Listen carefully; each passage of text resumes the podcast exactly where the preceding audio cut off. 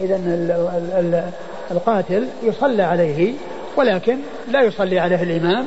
وكذلك أيضا إذا كان هناك من له منزلة وله مكانة وتخلف عن الصلاة عليه عمدا من أجل آه، تحذير الناس ومن أجل آه، آه، يعني ابتعاد الناس عن أن يقعوا في مثل هذا العمل ذلك سائر أورد أبو داود حديث جابر بن سمرة. جابر بن سمرة رضي الله عنه قال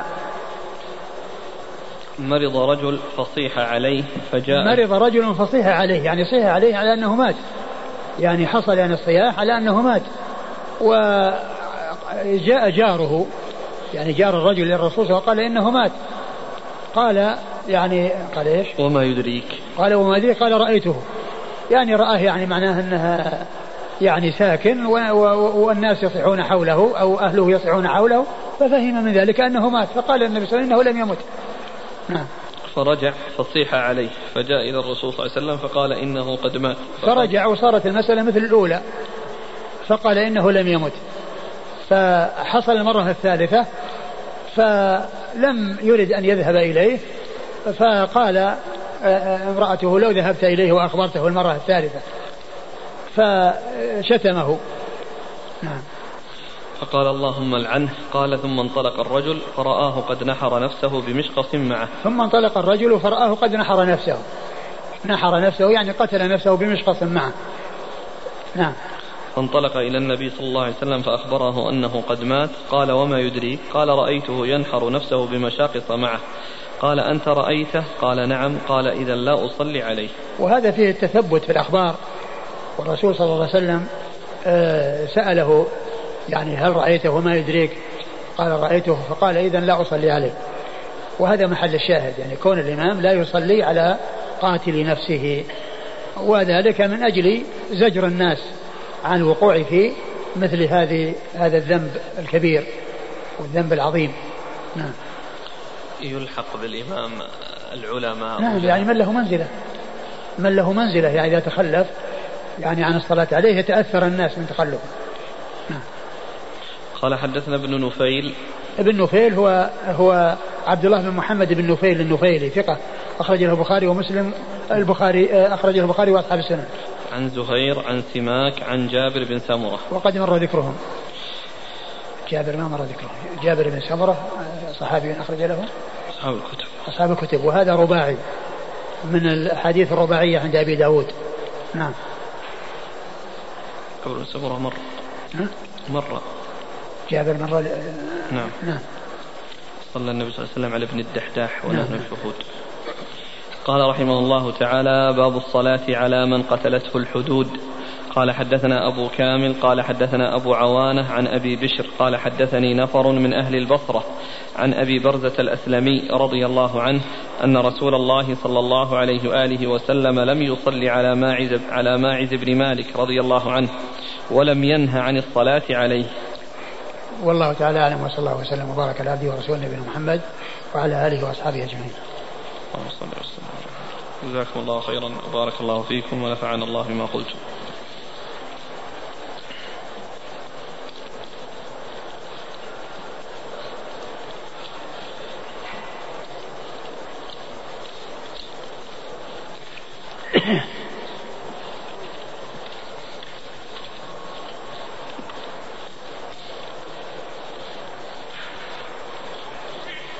لو أن امرأة مرت بجانب البقيع هل يشرع لها أن تدعو بالدعاء المأثور؟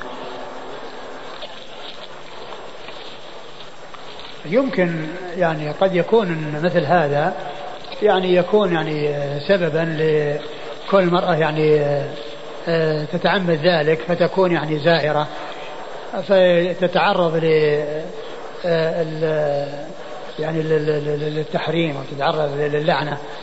يعني في الذي يبدو أن المرأة يعني ما تفعل ذلك. هل يستحب الجلوس عند القبر وقت دفن الميت؟ والله يعني لا, بأس به. أقول لا بأس به. يعني آه، كل إنسان يعني يعني يجلس. الرسول قال يعني حتى يعني آه، يدل على يعني مكان أو الوقت الذي يكون فيه الجلوس. لكن يعني يكون يكون مستحبا يعني كونه يكون مستحبا يعني ما, ما أدري يعني وجه استحبابه. لكن الرسول صلى الله عليه وسلم يعني جعل الغاية هي وضعها على الأرض. ومعنى ذلك أنه يمكن يعني من يجلس يجلس ومن يقف يقف. ألا يكون معنى حديث علي رضي الله عنه قام في الجنائز ثم قعد بعد؟ أي أنه قام للجنائز عندما مرت به ثم قعد بعد مرورها.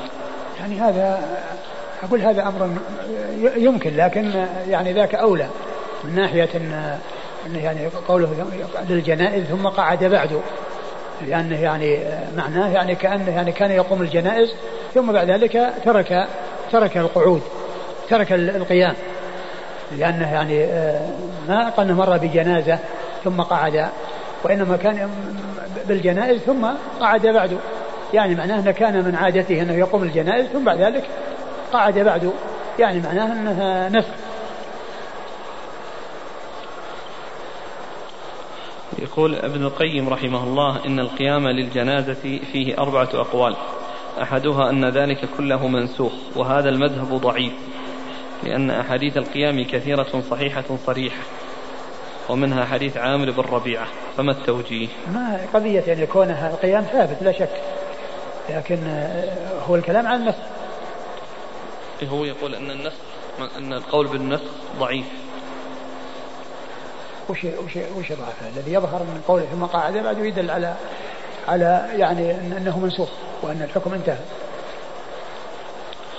هل يجوز تشييع جنازة الكافر لأنه من الجيران؟ الله الذي يبدو أنه لا يشيع الكافر لا يشيع ولا يذهب معه هل يشرع رفع اليدين عند الدعاء للميت بعد الانتهاء من دفنه؟ والله الذي يبدو أن الأمر في ذلك واسع. ما نعلم شيء ينفي ولا شيء يثبت. فمن رفع لا ينكر عليه ومن لم يرفع لا ينكر عليه. عندنا مسجد يصلى فيه صلاة الجنائز. السؤال هل تخصيص مسجد معين بالصلاة على الجنازة يعد بدعة؟ لا ليس بدعة. يعني كونه يعني فيه مسجد كبير الناس يعني يصلون فيه ثم الناس يعني يقصدون يعني ذلك المكان من أجل أن يصلى فيه على الجنازة. ما في بأس لأن هذا من اسباب يعني كثرة المصلين وكونه يعني شيء معروف أن الجنائز يعني تكون في هذا المكان لا سيما إذا كان يعني مكان أو مسجد يعني كبير في البلد ويعني آه، يقصده الناس. يعني آه، لا بأس بذلك لأن هذا فيه مصلحة وفيه فائدة. وهل يستحب للإمام إعلام الناس بأن جنازة رجل أو امرأة في المسجد الفلاني سيصلى عليه؟ والله الذي يبدو أنه لا بأس بذلك. هل أخذ الجنازة إلى المقبرة في السيارة أفضل أم المشي بها؟ والله إذا كانت قريبة فالمشي بها لا شك أنه هو الأفضل. وإذا كانت بعيدة ويشق على الناس يعني الذهاب فيذهب بها بالسيارة.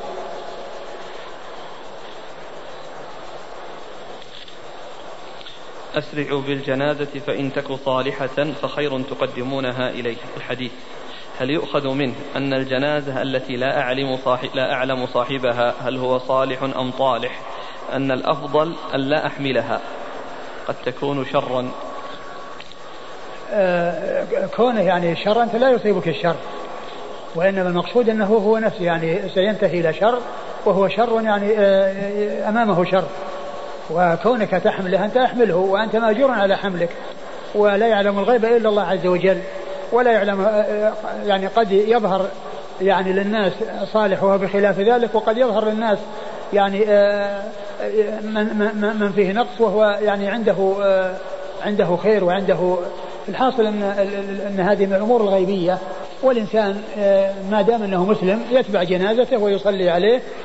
و ويعني ويحمله وكونه قد يكون شرا يعني لا لا يضر الحامل وإنما ضر للمحمول. حديث ثوبان أن النبي صلى الله عليه وسلم أتي بدابة وهو مع الجنازة فأبى أن يركبها. في إسناده يحيى بن أبي كثير عن أبي سلمة وهو مدلس فهل يضر تضر عنعنته؟ أتي بجنازة أتي بدابة وهو مع الجنازة فأبى أن يركبها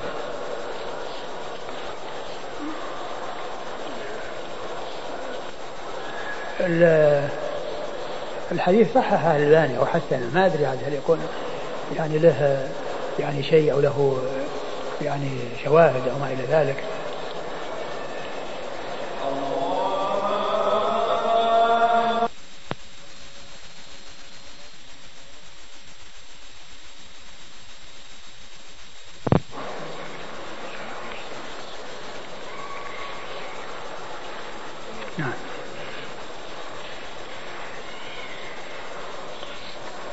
من تبع الجنازة حتى وضعت على الأرض هل يجلس وجوبا؟ وهل النهي عن القيام للتحريم؟ أو هو مخير. والله الذي يبدو أن الأمر في ذلك واسع إن جلس فله ذلك وإن لم يجلس فله ذلك. إذا كان الرجل به مرض نفسي ثم انتحر فهل يصلى عليه؟ الصلاة يصلى عليه. أقول يصلى على على كل مسلم.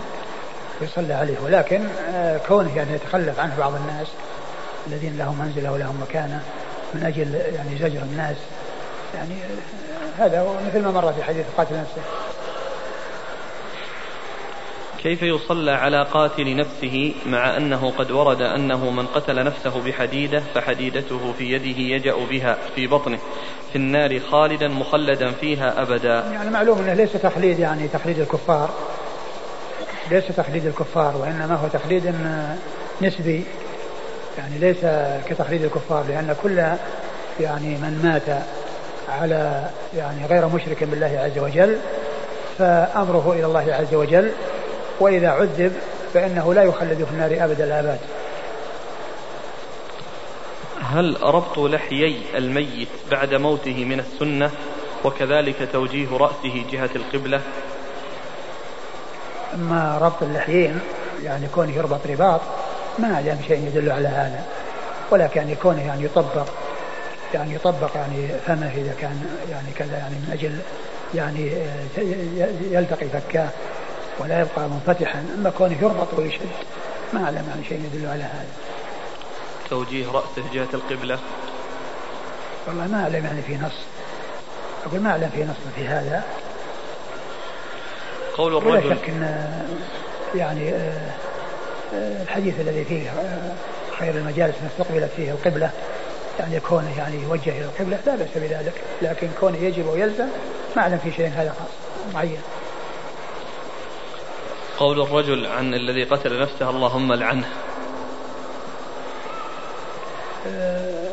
معلوم اللعن المعين يعني لا يسوء ومعلوم إن إن هذا يعني حصل يعني من من صحابي وما في يعني شيء يفيد أن الرسول صلى الله عليه وسلم علم بذلك وأقره.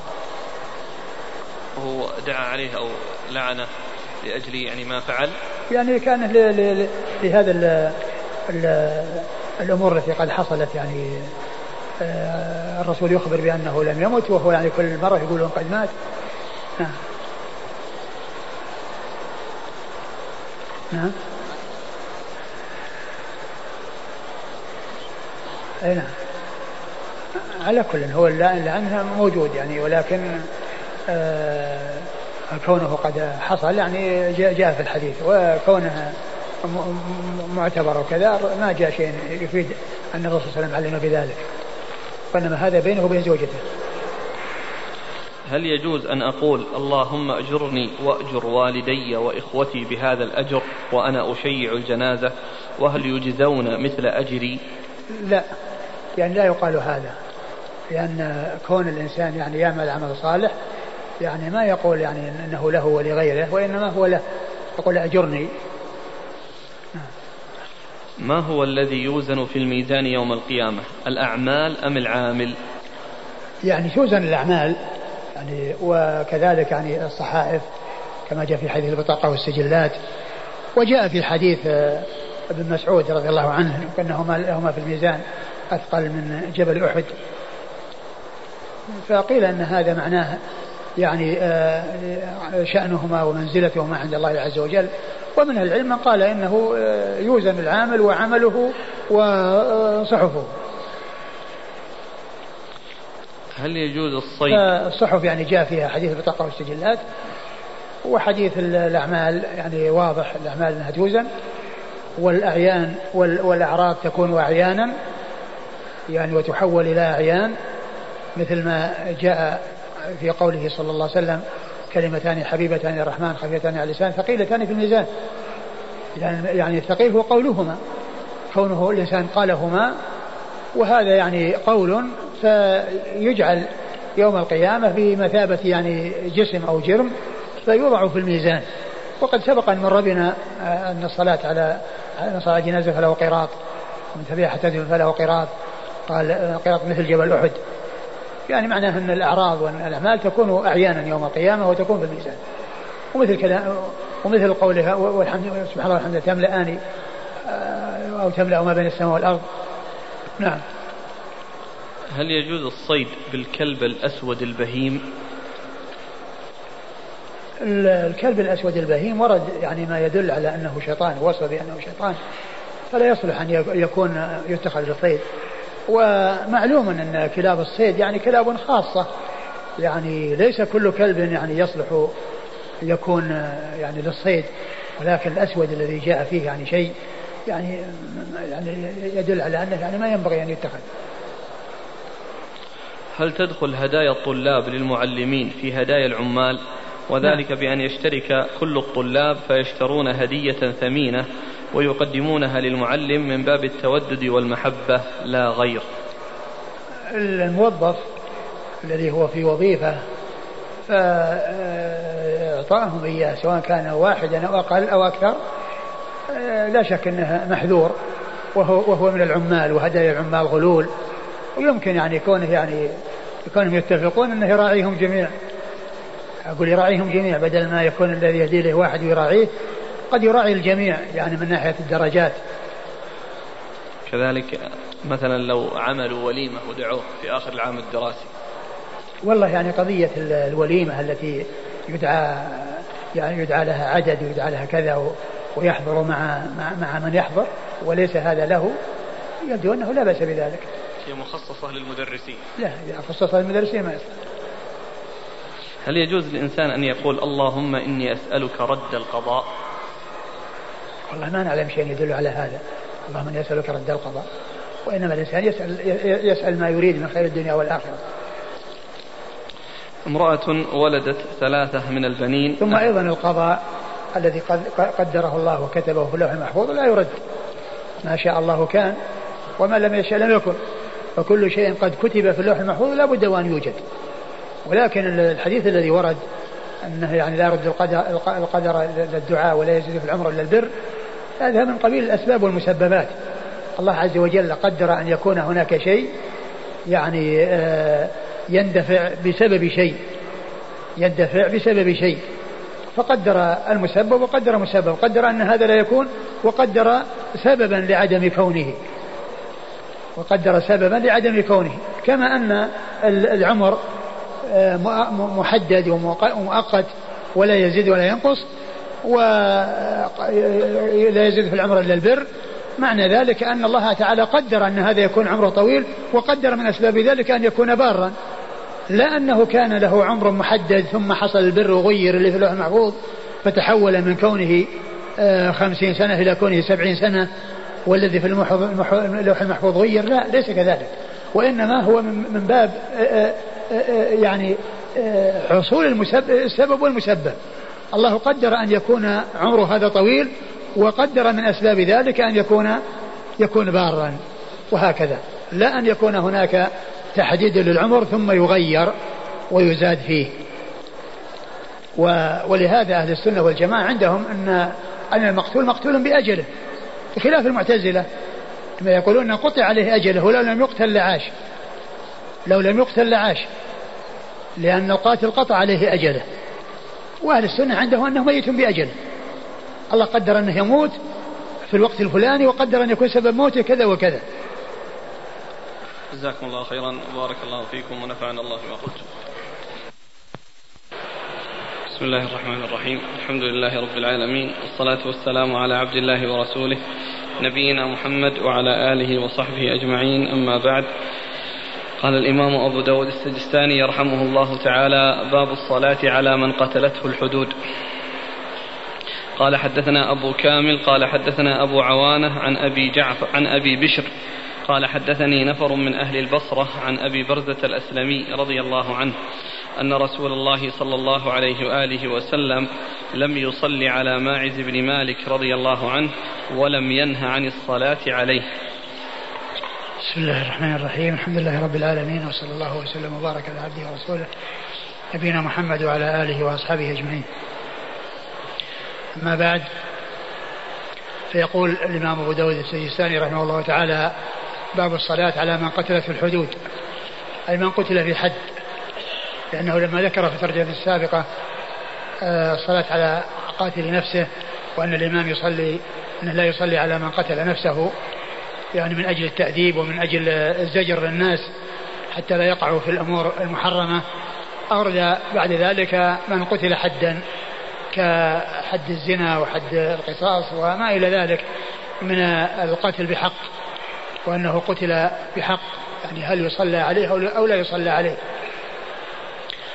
آه، آه، أورد أبو داود رحمه الله حديث أبي برزة الأسلمي رضي الله عنه.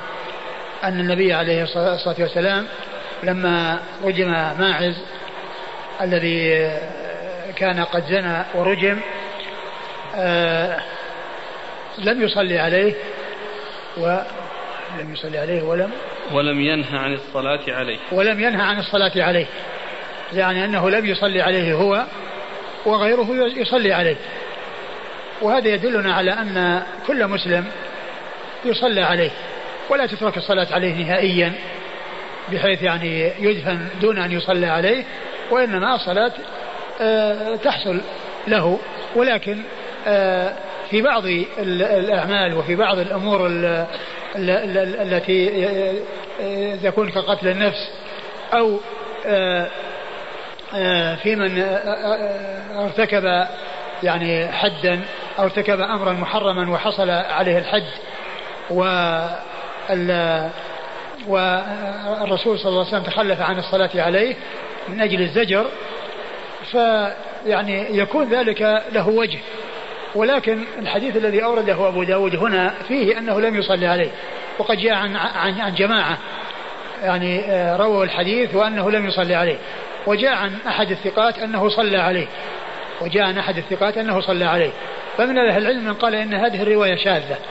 التي هي رواية محمود بن غيلان وأن الرسول صلى الله عليه وسلم صلى عليه وأن رواية غيره من الحفاظ الذين قالوا أنه لم يصلي عليه تكون هي المحفوظة وتكون تلك شاذة. ومن أهل العلم من قال إن هذه الرواية التي هي كونه صلى عليه وهي عن محمود بن غيلان هي جاءت عن طريق ثقة فهي زيادة من ثقة فتكون مقبولة. وتكون مثل ما ثبت في صحيح مسلم من أن النبي صلى الله عليه وسلم صلى على الغامدية والتي رجمت في الزنا والتي رجمت بسبب الزنا. الرسول صلى الله عليه وسلم صلى على الغامدية كما ثبت في صحيح مسلم. وهنا جاء عن محمود بن غيلان أو من طريق محمود بن غيلان أن النبي صلى الله عليه وسلم صلى عليه. وعلى كل كانت هذه الرواية يعني محفوظة وأنها ثابتة لرواية محمود بن غيلان فتكون يعني زيادة من ثقة ومن حفظ حجة على من لم يحفظ وتكون مطابقة لما جاء في الصحيح من الصلاة على الغامدية التي هي قد رجمت في الزنا مثل ماعز تماما. و وعلى القول الثاني يعني أن أن أنه لم يصلي عليه يحتمل أن يكون ذلك من أجل آه، الزجر. من الوقوع في مثل هذه المعاصي ويكون النبي صلى الله عليه وسلم فعل في بعض الأحوال تخلف عن الصلاة وفي بعضها صلى ولم يتخلف كما حصل في في قصة الغامدية. والحاصل أن ال ال ال الذي أقيم عليه الحد أنه يصلى عليه كما صلى الرسول صلى الله عليه وسلم على الغامدية. و يعني وإن تركت الصلاة يعني عليه من بعض الناس من أجل أن يكون في ذلك زجر وردع وأن الترك إنما هو من بعض الناس. إذا كان هذا محفوظا كما قال بعض أهل العلم أن المحفوظ هو كونه لم يصلي على على ماعز يعني معنى هذا يكون من أجل الزجر عن الوقوع في مثل في مثل هذا العمل. والحاصل أن كل مسلم يصلى عليه والإمام أو من له منزلة يمكن أن يتخلف عن الصلاة على بعض من آه، ارتكب جرما وسواء أقيم عليه حد أو لم يقام عليه حد يعني الجرم الذي هو قتل النفس أو الذي كان آه، اتخذه وأقيم عليه حد وقتل بسبب ذلك الجرم. فإن الأمر يكون من أجل المصلحة ومن أجل التأديب. ولكن كون الصلاة تترك عليه لا تترك الصلاة على كل مسلم بل كل مسلم يصلى عليه.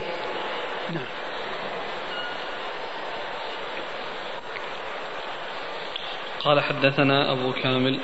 أبو كامل الفضيل بن حسين الجحدري وهو ثقة أخرج له. البخاري تعليقا ومسلم وأبو داود والنسائي. البخاري البخاري تعليقا ومسلم وأبو داود والنسائي. عن أبي عوانة. عن أبي عوانة الوضاح بن عبد الله اليشكري وهو ثقة أخرج له أصحاب كتب الستة. عن أبي بشر. عن أبي بشر وهو جعفر بن إياس بن أبي وحشية وهو ثقة أخرج له أصحاب كتب الستة. عن نفر من أهل البصرة. عن نفر من أهل البصرة يعني وهذا يعني عدد يعني وهم من التابعين ولم يعني آه يعني يسموا وقفتم على تسمية أحد منهم؟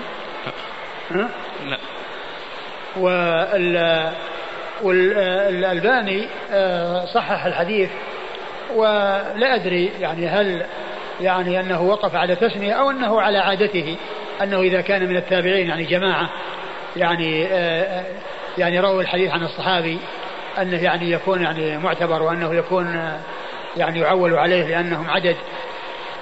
نعم. عن أبي برزة الأسلمي. عن أبي برزة الأسلمي وهو وهو نضلة بن عبيد. نضلة بن عبيد وهو صحابي أخرجه أصحاب كتب الستة.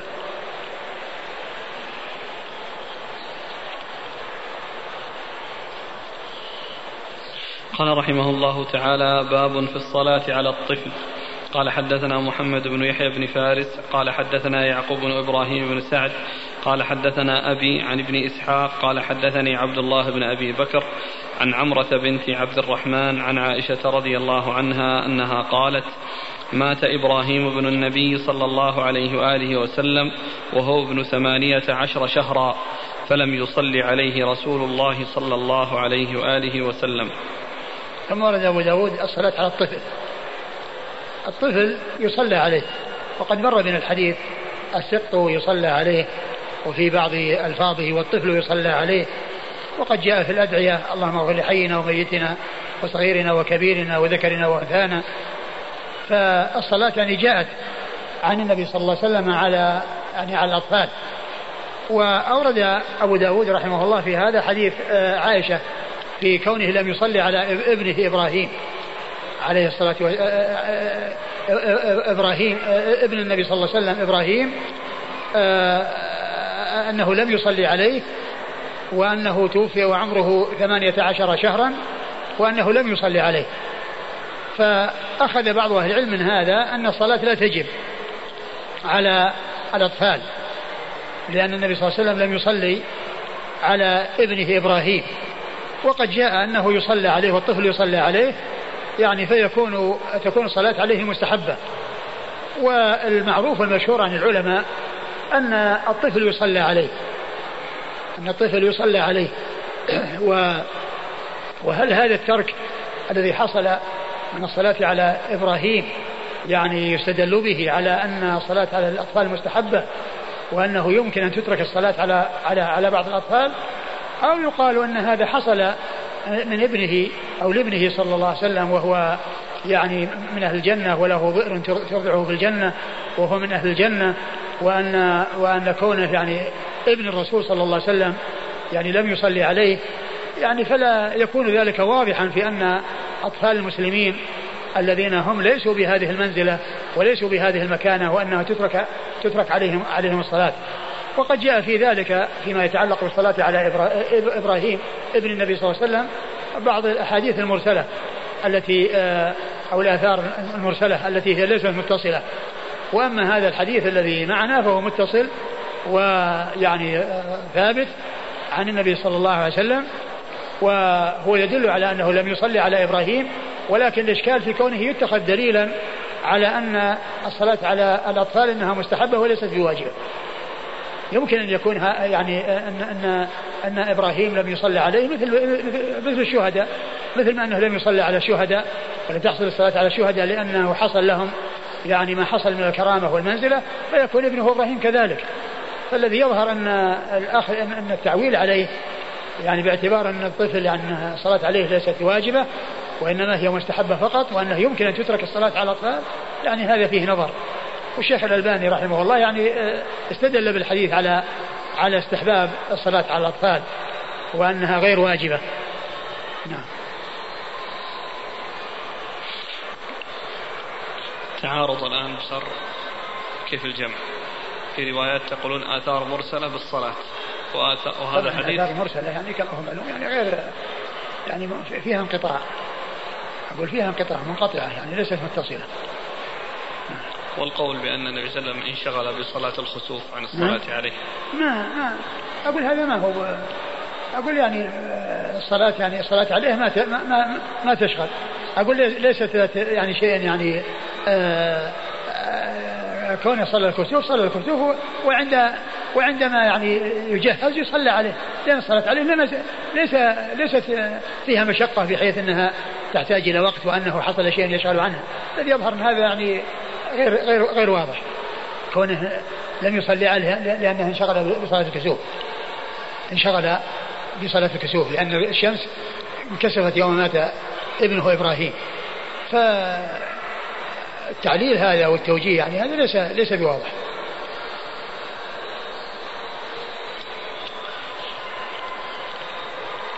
قال حدثنا محمد بن يحيى بن فارس. محمد بن يحيى بن فارس الذهلي ثقة أخرج حديث البخاري وأصحاب السنن. عن يعقوب بن إبراهيم بن سعد. عن يعقوب بن إبراهيم بن سعد ثقة أخرج له أصحاب الكتب الستة. عن أبيه. عن أبيه وهو ثقة أخرج له أصحاب الكتب الستة. عن ابن إسحاق. عن إسحاق محمد بن إسحاق المدني صدوق أخرجه البخاري تعليقا ومسلم وأصحاب السنن. عن عبد الله بن أبي بكر. عن عبد الله بن أبي بكر بن محمد بن عمرو بن حزم وهو ثقة أخرجه أصحاب الكتب الستة. عن عمرة بنت عن عمرة بنت عبد الرحمن الأنصارية وهي ثقة مكثرة من الرواية عن عائشة وحديثها أخرجه أصحاب كتب الستة. عن عائشة أم المؤمنين رضي الله عنها وأرضاها الصديقة بنت الصديق وهي واحدة من سبعة أشخاص عرفوا بكثرة الحديث عن النبي صلى الله عليه وسلم. قال حدثنا هناد بن السري قال حدثنا محمد بن عبيد عن وائل بن داود قال سمعت البهي. قال لما مات إبراهيم ابن النبي صلى الله عليه وآله وسلم صلى عليه رسول الله صلى الله عليه وآله وسلم في المقاعد. ثم أقرأ لي بعده. قال أبو داود قرأت على سعيد بن يعقوب الطالقاني قيل له حدثكم ابن المبارك عن يعقوب بن القعقاع عن عطاء أن النبي صلى الله عليه وآله وسلم صلى على, على ابنه إبراهيم وهو ابن سبعين ليلة. ثم أورد أبو داود يعني هذين الأثرين أو الحديثين المرسلين وأن وهما يتعلقان بالصلاة على ابنه إبراهيم وأنه صلى عليه.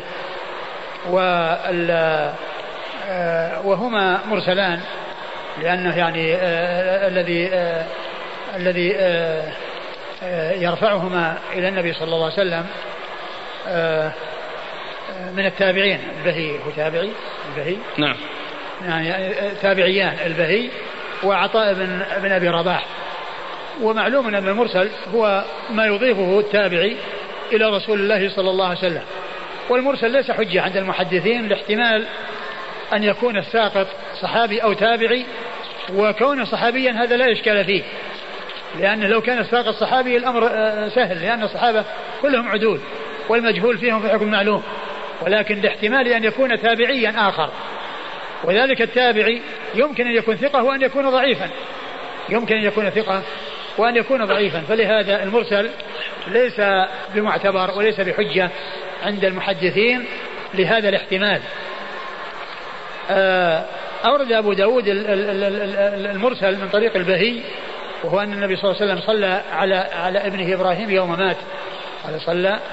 لما مات إبراهيم ابن النبي صلى الله عليه وسلم صلى عليه رسول الله صلى الله عليه وسلم في المقاعد. لما مات إبراهيم ابن النبي صلى الله عليه وسلم صلى عليه في المقاعد. المقاعد أماكن يعني مكان قريب يعني من المسجد. قريب من المسجد قال صلى عليه في المقاعد. وهذا آه، وكذلك الأثر الذي بعده أن الرسول صلى عليه وهو ابن سبعين ليلة وهذا فيه المخالفة لما تقدم من أنه ابن 18 18 شهرا. أنه ابن 18 شهرا وليس 70 يعني وليس 70 يوما أو 70 ليلة وإنما هو يعني آه، آه، ثمانية عشر شهرا. آه، فبعض أهل العلم قال إن هذه المراسيل أن التعويل عليها ولكن المراسيل يعني كما عرفنا أنها يعني غير حجة ما دام أنها لم تكن متصلة والحديث المتصل يعني ثابت عن الرسول صلى الله عليه وسلم والقول بأنه يستدل به على أن الأطفال يعني الصلاة عليهم مستحبة وليست واجبة كما عرفنا يعني فيه نظر. لاحتمال أن يكون آآ آه، آآ أنه ترك الصلاة عليه كما ترك الصلاة على الشهداء أو على بعض الشهداء. يعني له منزلة وهؤلاء لهم منزلة. فلا يتخذ ذلك دليلا على أن الأطفال لا يصلى عليهم أو أنها تترك الصلاة على بعض الأطفال آه، وأنها تكون مستحبة. لاحتمال أن يكون هذا الذي حصل له مثل الذي حصل للشهداء. هذا الذي حصل له مثل الذي حصل للشهداء يعني لعلو منزلتهم وعلو مكانتهم وما أعده الله لهم من من النعيم. ولا شك أن الصلاة يعني فيها شفاعة وفيها زيادة خير وهي يعني لا شك أنها تنفع. لكن آه، ترك الرسول صلى الله عليه وسلم الصلاة على يعني الشهداء وصلى يعني على الشهداء وترك الصلاة على ابنه إبراهيم فيحتمل أن يكون الله أعلم. أن ترك الصلاة عليه مثل ترك الصلاة على الشهداء؟ نعم.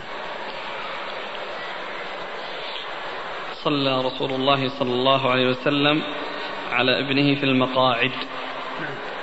المقاعد؟ مقاعد أماكن قريبة يعني ما أدري إيش. أماكن يقال في المقاعد.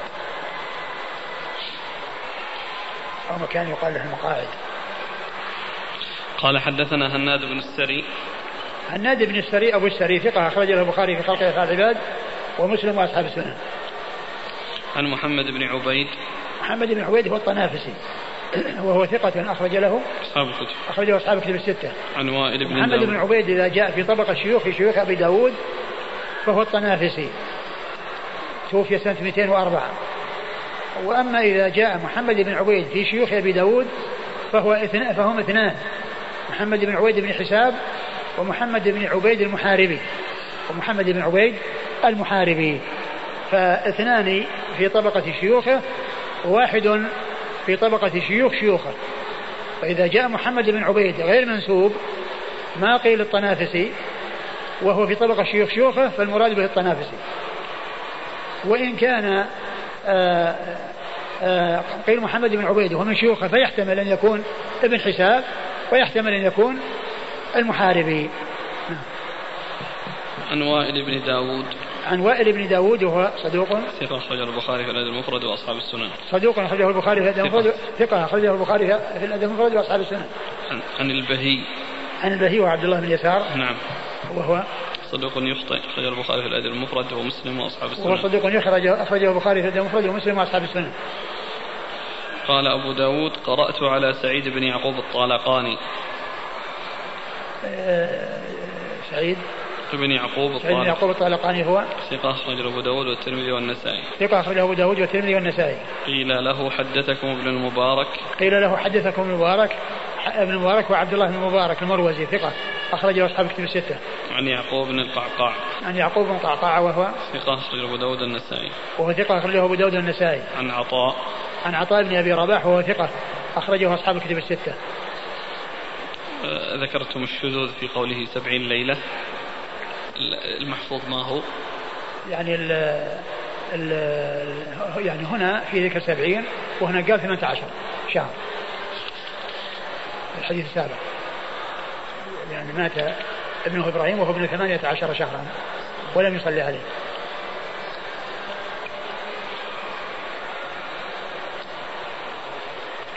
سبعين ليلة شهرين وعشرة أيام. وهنا يقول ثمانية عشر شهرا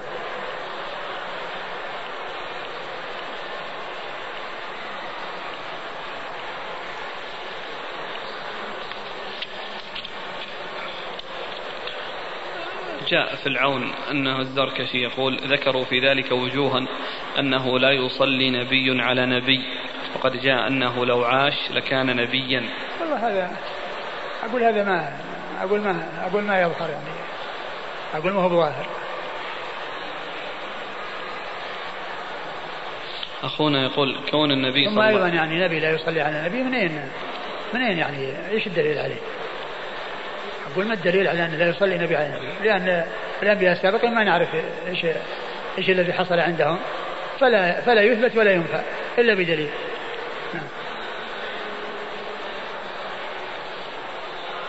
كون النبي صلى الله عليه وسلم والرسول صلي عليه.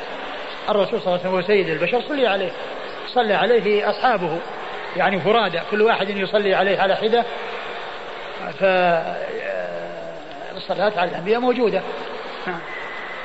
أو الصلاة على النبي موجودة هو سيد البشر وسيد المرسلين عليه أفضل الصلاة وأتم التسليم. في التعليل ما هو ما هو يعني مستقيم.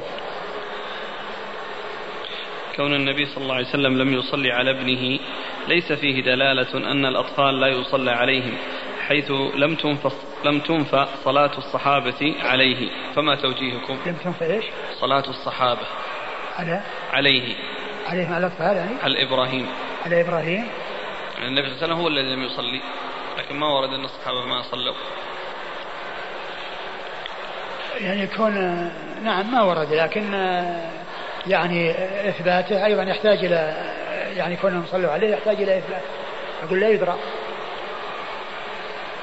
يعني هو قضية ترك الصلاة يعني كونه يعني تترك الصلاة على من قبل يعني الإمام أو من يعني له منزلة وغيره يصلي هذه في, في, في باب آخر وفي جانب آخر من باب الزجر والتحذير وهذا ليس من هذا القبيل. إذا سقط الطفل من بطن أمه بعد أربعة أشهر ودفن ولم يصلى عليه جهلا فهل يصلى على قبره؟ والله إذا كان إذا كان من الصلاة إن إذا كان إنه يعني نفخت فيه الروح وأنه إنسان وطفل يعني ويعني آه، داخل ضمن قوله والسقط والسقط يصلى عليه فالذي يبدو أنه يصلى عليه يصلى عليه على قبره قال يرحمه الله تعالى باب الصلاة على الجنازة في المسجد. قال حدثنا سعيد بن منصور قال حدثنا فليح بن سليمان عن صالح بن عجلان ومحمد بن عبد الله بن عباد. عن عباد بن عبد الله بن الزبير عن عائشة رضي الله عنها أنها قالت والله ما صلى رسول الله صلى الله عليه وآله وسلم على سهيل بن البيضاء إلا في المسجد. ثم ورد أبو داود باب الصلاة على الميت في المسجد. الجنازة. الجنازة في المسجد. الأصل أن الصلاة كانت في زمنه صلى الله عليه وسلم في خارج المسجد. وهذا هو الغالب على فعله صلى الله عليه وسلم. وقد جاء ما يدل على أنه صلى في المسجد. فدل على أن ذلك سائغ. ولكن كون الأكثر من فعله صلى الله عليه وسلم أنه في غير المسجد يعني يدل على أنه هو الأولى.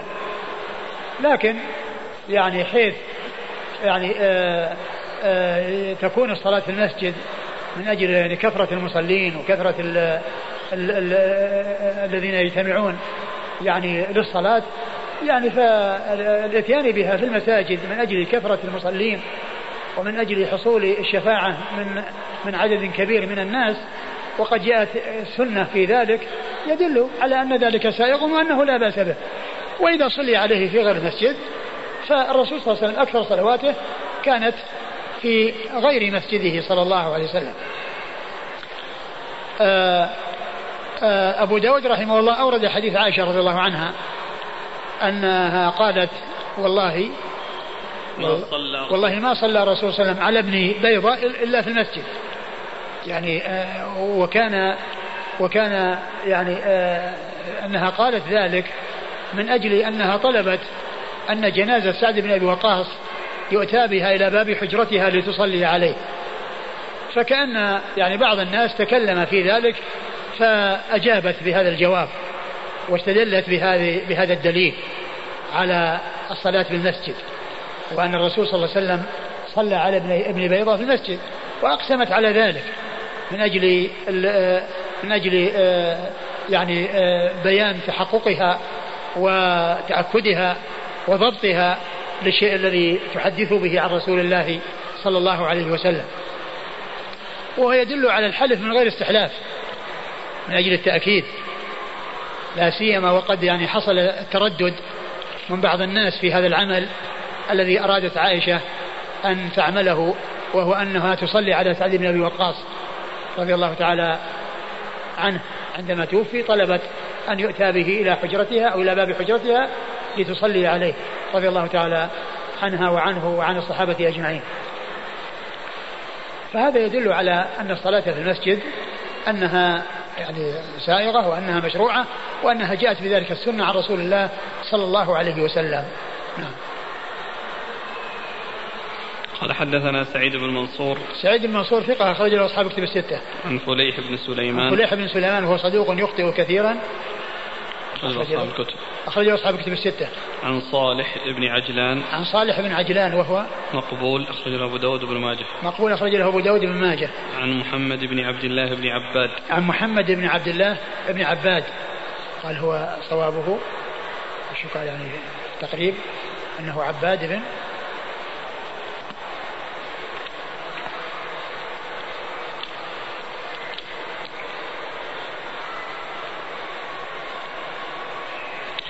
ويقال صوابه محمد بن عباد بن عبد الله.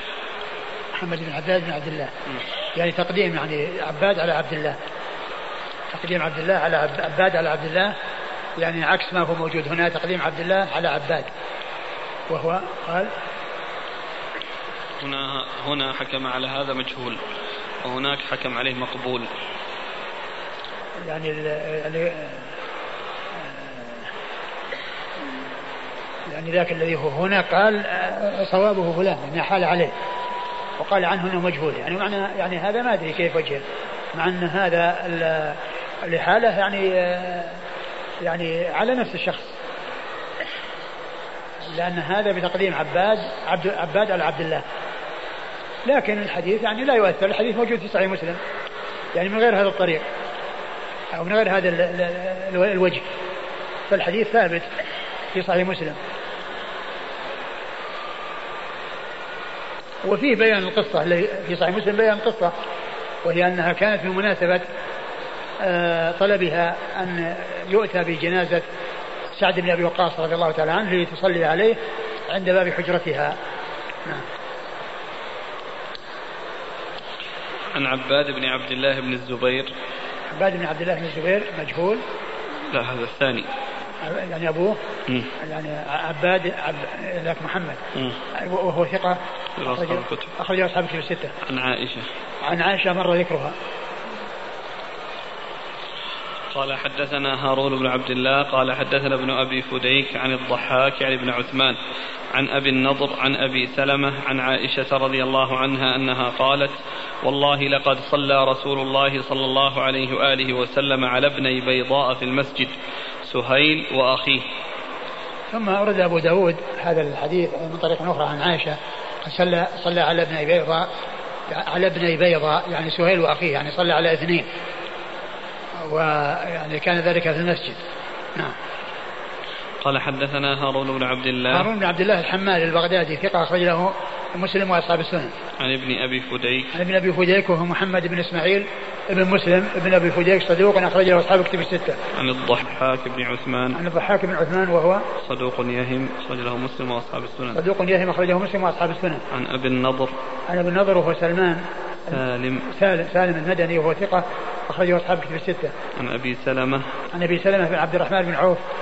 وهو ثقة أخرجه أصحاب كتب الستة. عن عائشة. عن عائشة وقد مر ذكرها. هذا الحديث يعني حديث الإسناد مستقيم. يعني فالذي قبله يعني وإن كان في إسناده كلام فإن هذا الحديث يعني هو هو بمعناه الذي من هذا الطريق. نعم. قال حدثنا مسدد قال حدثنا يحيى عن ابن أبي ذئب قال حدثني صالح مولى التوأمة عن أبي هريرة رضي الله عنه أنه قال قال رسول الله صلى الله عليه وآله وسلم من صلى على جنازة في المسجد فلا شيء عليه. ثم ورد أبو داود حديث أبي هريرة أن النبي صلى الله عليه وسلم قال من صلى على جنازة في المسجد فلا شيء عليه. هذا جاء عند أبي داود فلا شيء عليه ولكن عند غيره فلا شيء له. يعني فلا شيء له. يعني وليست فلا شيء عليه. وفسر ذلك يعني معنى قوله لا شيء له أنه يعني ليس له من أجل الصلاة على المسجد يعني له ميزة وفضيلة على غيرها من الصلوات من الصلاة في غير المسجد. من الصلاة يعني في غير المسجد يعني معناها أن أن حصول الصلاة في المسجد من أجل كونها كونه في المسجد والمسجد يعني هو خير البقاع وأشرف البقاع كما جاء عن النبي صلى الله عليه وسلم في صحيح مسلم. أحب الأسواق إلى الله أحب البلاد إلى الله مساجدها وأبغضها إلى الله أسواقها. فالمساجد هي هي أفضل البقاع وأحب البقاع في كل بلد من البلدان لأنها محل الذكر ومحل العبادة ومحل الطاعة. ف يعني من صلى عليه في المسجد لا يقال له ميزة على الصلاة عليه في غير المسجد وفي خارج المسجد لأن أكثر ما جاء عن النبي صلى الله عليه وسلم من الصلاة عليه في غير المسجد. فلا يعني آه، يتخذ يعني آه، كونه صلى عليه في المسجد بأن يقول بأن يقال إنه أفضل وأن له ميزة من أجل أن المسجد يعني هو يعني أفضل البقاع أو المساجد هي افضل البقاع في في البلاد. آه، وإنما يدل يدل على أن الصلاة إنها سائغة ويعني فيها أجر ولكن الميزة التي للمسجد في صلاة الجماعة وكون الإنسان إذا صلى جماعة في المسجد فهي يعني آه، لها ميزة على الصلاة في غير المسجد. وقد جاء في الحديث أنها تفضل صلاة الفجر ب 27 درجة أو ب 25 جزءا. فالمقصود أنه يعني نفي يعني شيء خاص وليس نفي الأجر فإن الأجر حاصل والثواب حاصل لكن آه، التفضيل على غير المسجد وأن لها ميزة على غيره هذا هو الذي أريد يعني بالحديث. وقد قالوا إن الصلاة عليه في غير المسجد. يترتب عليها أن الذي يصلي في المسجد قد ينصرف ولا يتبع الجنازة. وإذا ذهب إليها وصلى عليها في مكان خارج المسجد والأماكن التي يصلى على الجنائز فيها يكون الإنسان يعني آه، آه، ذهب خطوات ومشى يعني مسافة من أجل الصلاة على الجنازة فيؤجر على ذلك. وأيضا يعني يسهل عليه أن يذهب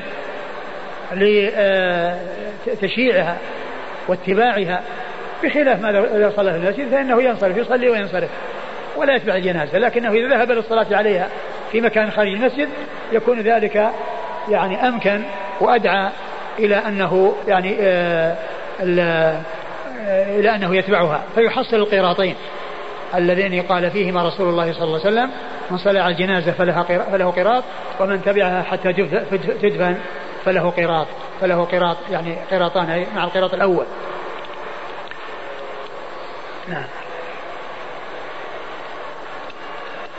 قال حدثنا مسدد. مسدد بن مسرهد ثقة أخرج حديث البخاري وأبو داود والترمذي والنسائي. عن يحيى عن يحيى القطان ثقة أخرج له أصحاب كتب الستة. عن ابن أبي ذئب. عن ابن أبي ذئب عن ابن أبي ذئب وهو محمد بن عبد الرحمن ابن المغيرة ابن أبي ذئب وهو ثقة أخرج له أصحاب كتب الستة. عن صالح مولى التوأمة. عن صالح مولى التوأمة وهو صدوق اختلط وابن أبي ذئب هذا ممن روى عنه قبل الاختلاط. ممن روى عنه قبل الاختلاط فيعني روايته عنه صحيحة. وهو صالح بن نبهان مولى التوأمة أخرج حديثه. صدوق اختلط أخرجه أبو داود والترمذي وابن ماجه. صدوق اختلط أخرجه أبو داود والترمذي وابن ماجه. عن أبي هريرة. عن أبي هريرة عبد الرحمن بن صخر الدوسي رضي الله عنه صاحب رسول الله صلى الله عليه وسلم وهو أكثر الصحابة حديثا على الإطلاق.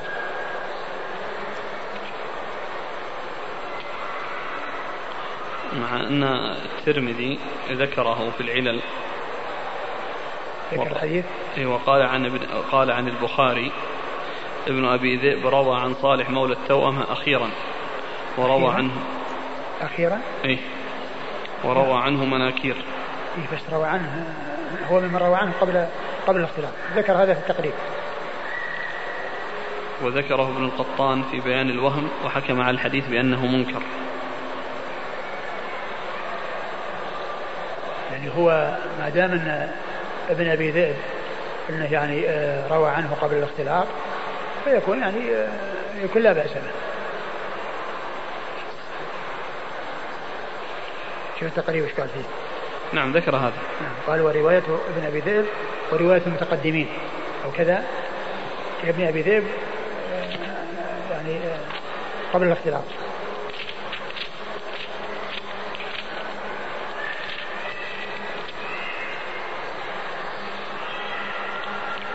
قال ابن عدي لا بأس برواية القدماء عنه كابن أبي ذئب وابن جريج. نعم.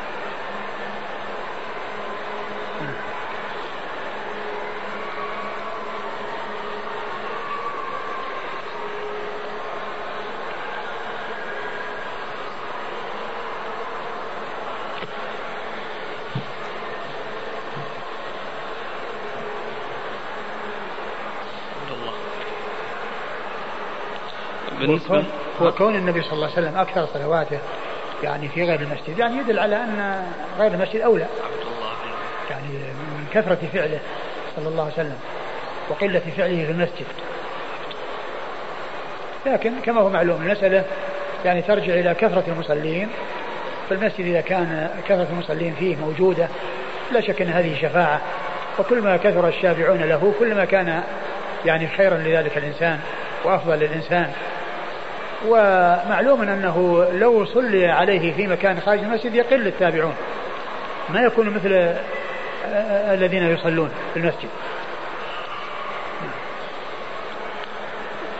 جاءت الأسئلة بالنسبة للصلاة في المسجد النبوي ألا يكون الصلاة على الجنازة فيه أفضل من غيره باعتبار أنه في ألف صلاة؟ والله الحديث يعني كما هو معلوم لكن الرسول صلى الله عليه وسلم آه هو في هذا المسجد كان يصلي خارج المسجد.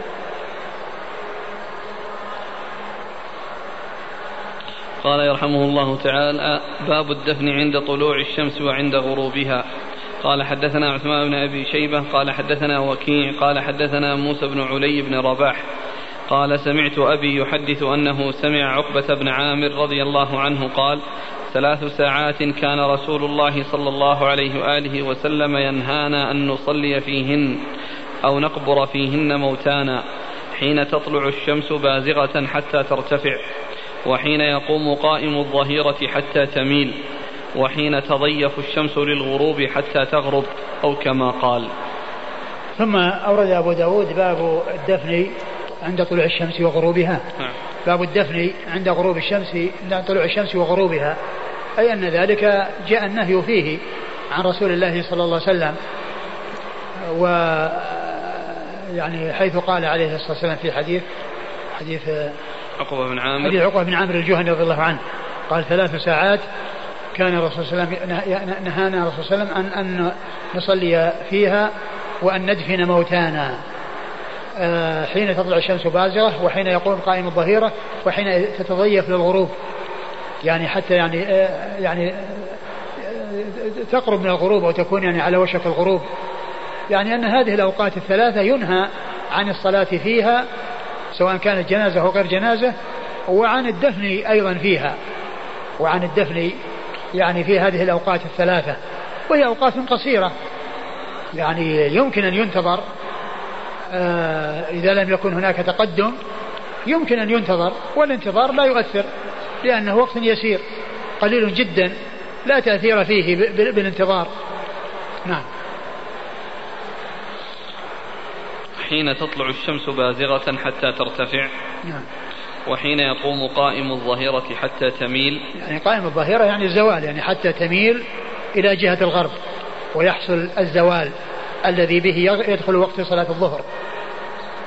وحين تضيف الشمس للغروب وحين حتى وحين تضيف الشمس الغروب حتى تغرب يعني إذا بدأت في الغروب أو قربت من الغروب حتى تغرب. قال حدثنا عثمان بن أبي شيبة. عثمان بن أبي شيبة ثقة أخرج حديث البخاري أخرج حديث أصحاب الكتب الستة إلا الترمذي وإلا النسائي فخرج له في عمل اليوم والليله عن وكيع. عن وكيع بن الجراح الرؤاسي ثقة أخرجه أصحاب الكتب الستة.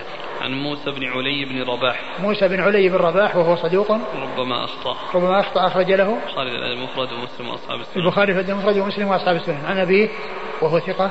نعم أخرج له. البخاري في المفرد البخاري في المفرد ومسلم وأصحاب السنن عن عقبة بن عامر. عن عقبة بن عامر الجهني رضي الله عنه وحديثه أخرجه أصحاب كتب الستة. قال رحمه الله تعالى باب إذا حضر جنائز رجال ونساء من يقدم؟ قال حدثنا يزيد بن خالد بن موهب الرملي قال حدثنا ابن وهب عن ابن جريج عن يحيى بن صبيح قال حدثني عمار مولى الحارث بن نوفل أنه شهد جنازة أم كلثوم وابنها فجعل, فجعل الغلام مما يلي الإمام. أعد قال حدثنا يزيد بن خالد بن موهب الرملي قال حدثنا ابن وهب عن ابن جريج عن يحيى بن صبيح قال حدثني عمار مولى الحارث بن نوفل. أنه شهد جنازة أم كلثوم وابنها فجعل الغلام مما يلي الإمام فأنكرت ذلك. وفي القوم ابن عب وفي القوم ابن عباس وأبو سعيد الخدري وأبو قتادة وأبو هريرة رضي الله عنهم فقالوا هذه السنة. ثم ورد أبو داود باب إذا إذا حضر جنائز رجال ونساء. إيش؟ من يقدم؟ من يقدم؟ آه إذا حضر جنائز يعني رجال ونساء ويعني أطفال فإنه يقدم الرجال ثم الأطفال ثم النساء. يعني مثل ما لو آه يعني فيما يتعلق مثل الصفوف في الصلاة. فكما أنه يعني يكون الرجال ثم يليهم الأطفال ثم يليهم النساء فكذلك يكون الأمر يعني حين التقديم للصلاة عليهم. يعني آه، صفوف كونهم يصفون يعني أمام أمام الإمام يصلي عليهم يعني يكون مثل صفوفهم وهم يصلون وراء الإمام.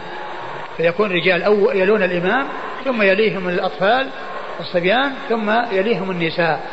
أورد أبو داود رحمه الله حديث آه، ابن عباس وأبو قتادة و أبو سعيد وأبو سعيد الخدري وأبو هريرة. وأبو هريرة أنهم قالوا أن أن أن, أن تقديم يعني الطفل على المرأة وأن الطفل يلي الإمام والمرأة يعني تكون آه، وراءه وراء الطفل أن هذا قال هذا هو السنة.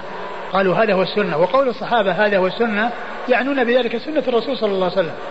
يعني هذا إذا قال الصحابي السنة كذا أو من السنة كذا أو سنة آه، السنة كذا فالمقصود بها سنة الرسول صلى الله عليه وسلم. فهي كلها حكم الرفع. من الصيغ التي لها حكم الرفع قول الصحابي من السنة كذا. أو هذا هو السنة. أو هو سنة. لأنه يحمل على سنة الرسول. صلى الله عليه وسلم. المقصود بالسنة هنا الطريقة والمنهج لأن السنة تطلق أربعة إطلاقات. تطلق بمعنى الطريقة والمنهج وذلك أن سنة الرسول صلى الله عليه وسلم هي كل ما جاء في الكتاب والسنة أنه يقال له سنة الرسول عليه الصلاة والسلام ومنه قوله من رغب عن سنتي فليس مني. من رغب عن سنتي فليس مني. وقوله هنا من السنة يعني سنة الرسول منهجه وطريقته. فالمقصود بذلك المعنى العام وتأتي ويراد بها حديث الرسول عليه الصلاة والسلام فتكون مرادفة للحديث.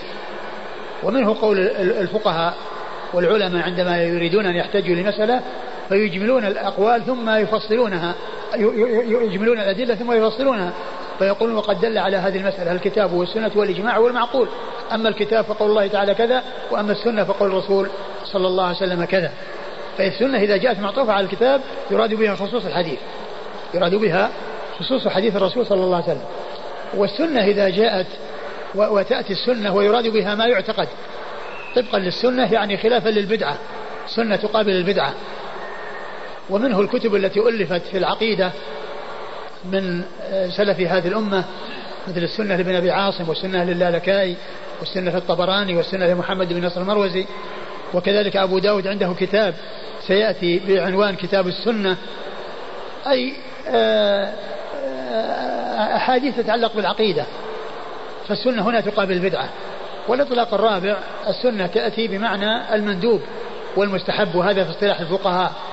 فإنهم إذا قالوا يسن كذا معناه أنه من الأمور المستحبة المندوبة ليس من الأركان ولا من الواجبات. إذا قالوا أركان وواجبات وسنن يقصدون بالسنن المستحبة التي يثاب فاعلها ولا يعاقب تاركها ويطلبها الشارع طلبا غير جازم نعم. عن عمار مولى الحارث بن نوفل أنه شهد جنازة أم كلثوم وابنها. أم كلثوم أم كلثوم هي يعني بنت علي رضي الله تعالى عنها زوجة عمر بن الخطاب. رضي الله تعالى عنه وعنها وعن الصحابة أجمعين وكذلك ابنها وهو زيد.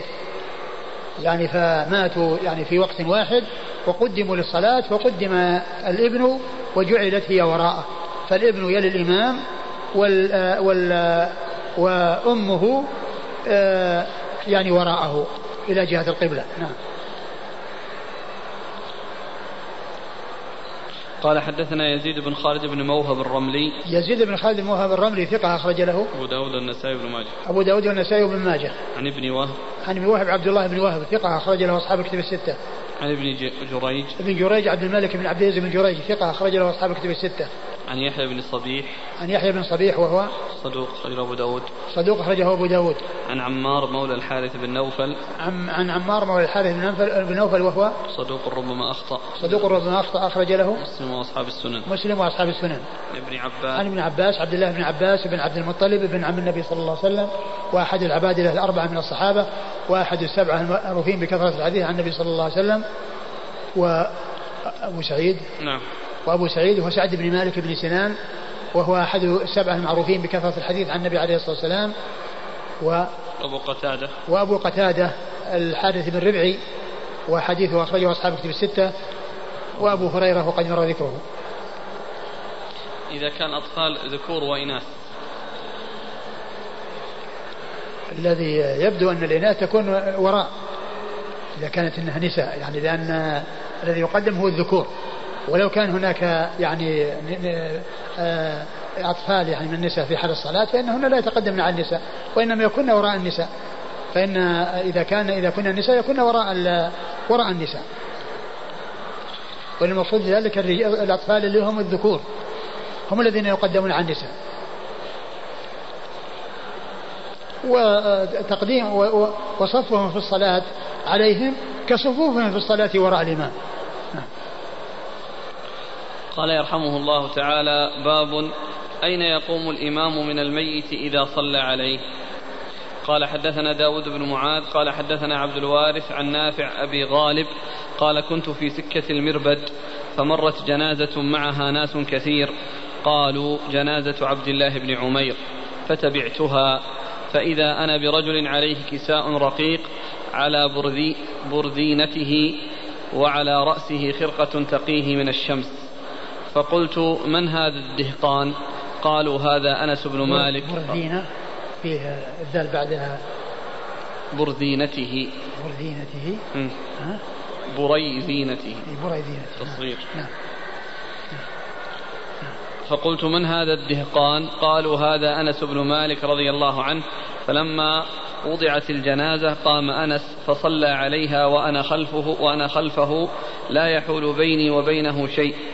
فقام عند رأسه فكبر أربع تكبيرات لم يطل ولم يسرع ثم ذهب يقعد. فقالوا يا أبا حمزة المرأة الأنصارية. فقربوها وعليها نعش أخضر فقام عند عجيزتها. فصلى عليها نحو صلاته على الرجل ثم جلس. فقال العلاء بن زياد يا أبا حمزة هكذا كان يفعل رسول الله صلى الله عليه وآله وسلم. يصلي على الجنائز كصلاتك يكبر عليها أربعا ويقوم عند رأس الرجل وعجيزة المرأة. قال نعم. قال يا أبا حمزة غزوت مع رسول الله صلى الله عليه وآله وسلم؟ قال نعم. غزوت معه حنينا فخرج المشركون فحملوا علينا حتى رأينا خيلنا وراء ظهورنا وفي القوم رجل يحمل علينا فيدقنا ويحطمنا. فهزمهم الله وجعل يجاء بهم فيبايعونه على الإسلام. فقال رجل من أصحاب النبي صلى الله عليه وآله وسلم إن علي نذرا إن جاء الله بالرجل الذي كان منذ اليوم يحطمنا لأضربن عنقه. فسكت رسول الله صلى الله عليه وآله وسلم وجيء بالرجل. فلما رأى رسول الله صلى الله عليه وآله وسلم قال يا رسول الله تبت إلى الله. فأمسك رسول الله صلى الله عليه وآله وسلم لا يبايعه ليفي الآخر بنذره. قال فجعل الرجل يتصدى لرسول الله صلى الله عليه وآله وسلم ليأمره بقتله وجعل يهاب رسول الله صلى الله عليه وآله وسلم أن يقتله. فلما رأى رسول الله صلى الله عليه وآله وسلم أنه لا يصنع شيئا بايعه. فقال الرجل يا رسول الله نذري.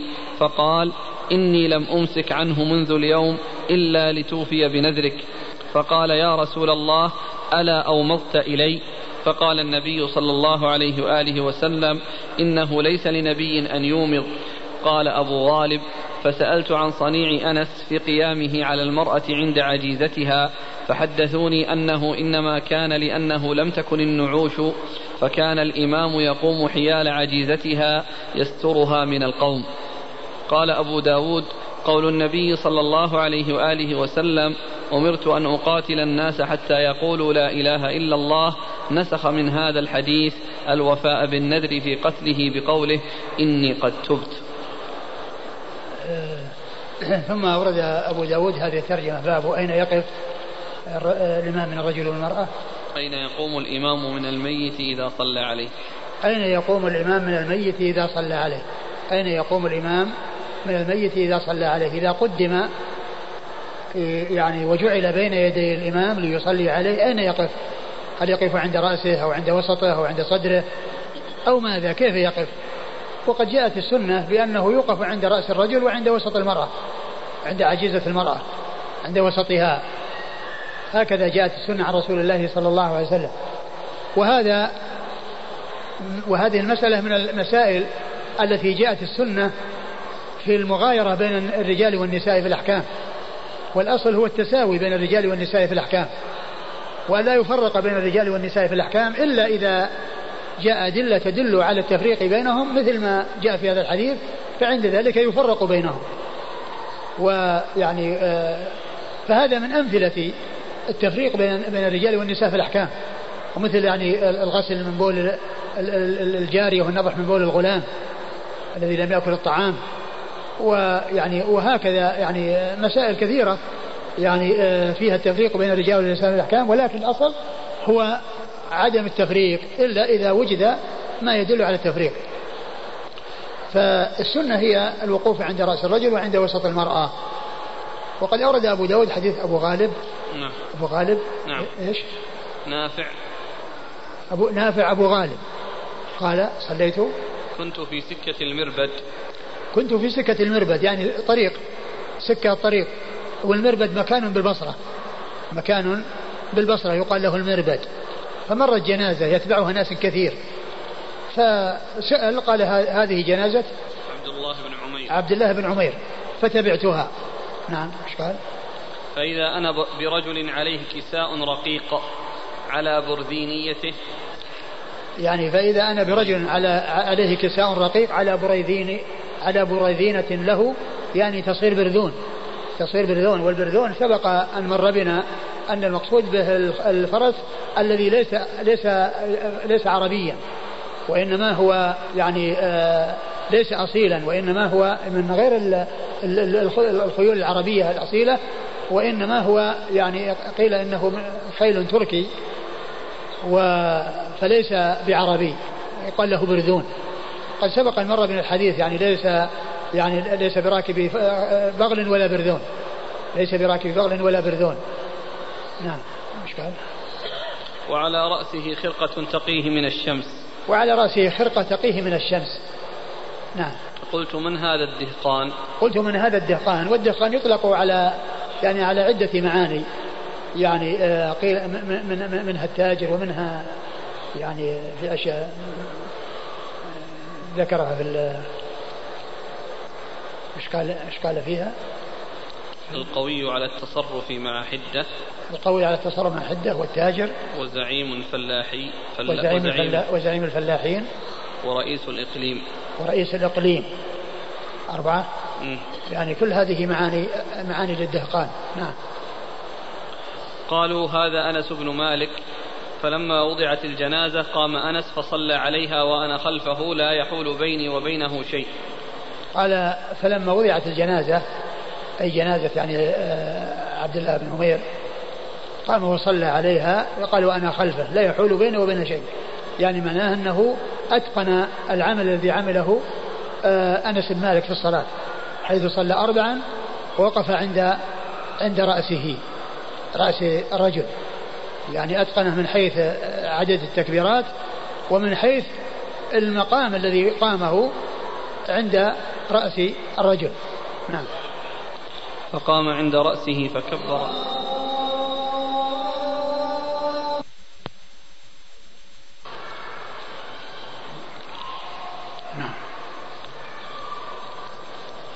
فقام عند رأسه فكبر أربع تكبيرات لم يطل ولم يسرع. فقام عند رأسه وهذا محل الشاهد أنه يقف عند رأس الرجل وكبر أربع تكبيرات.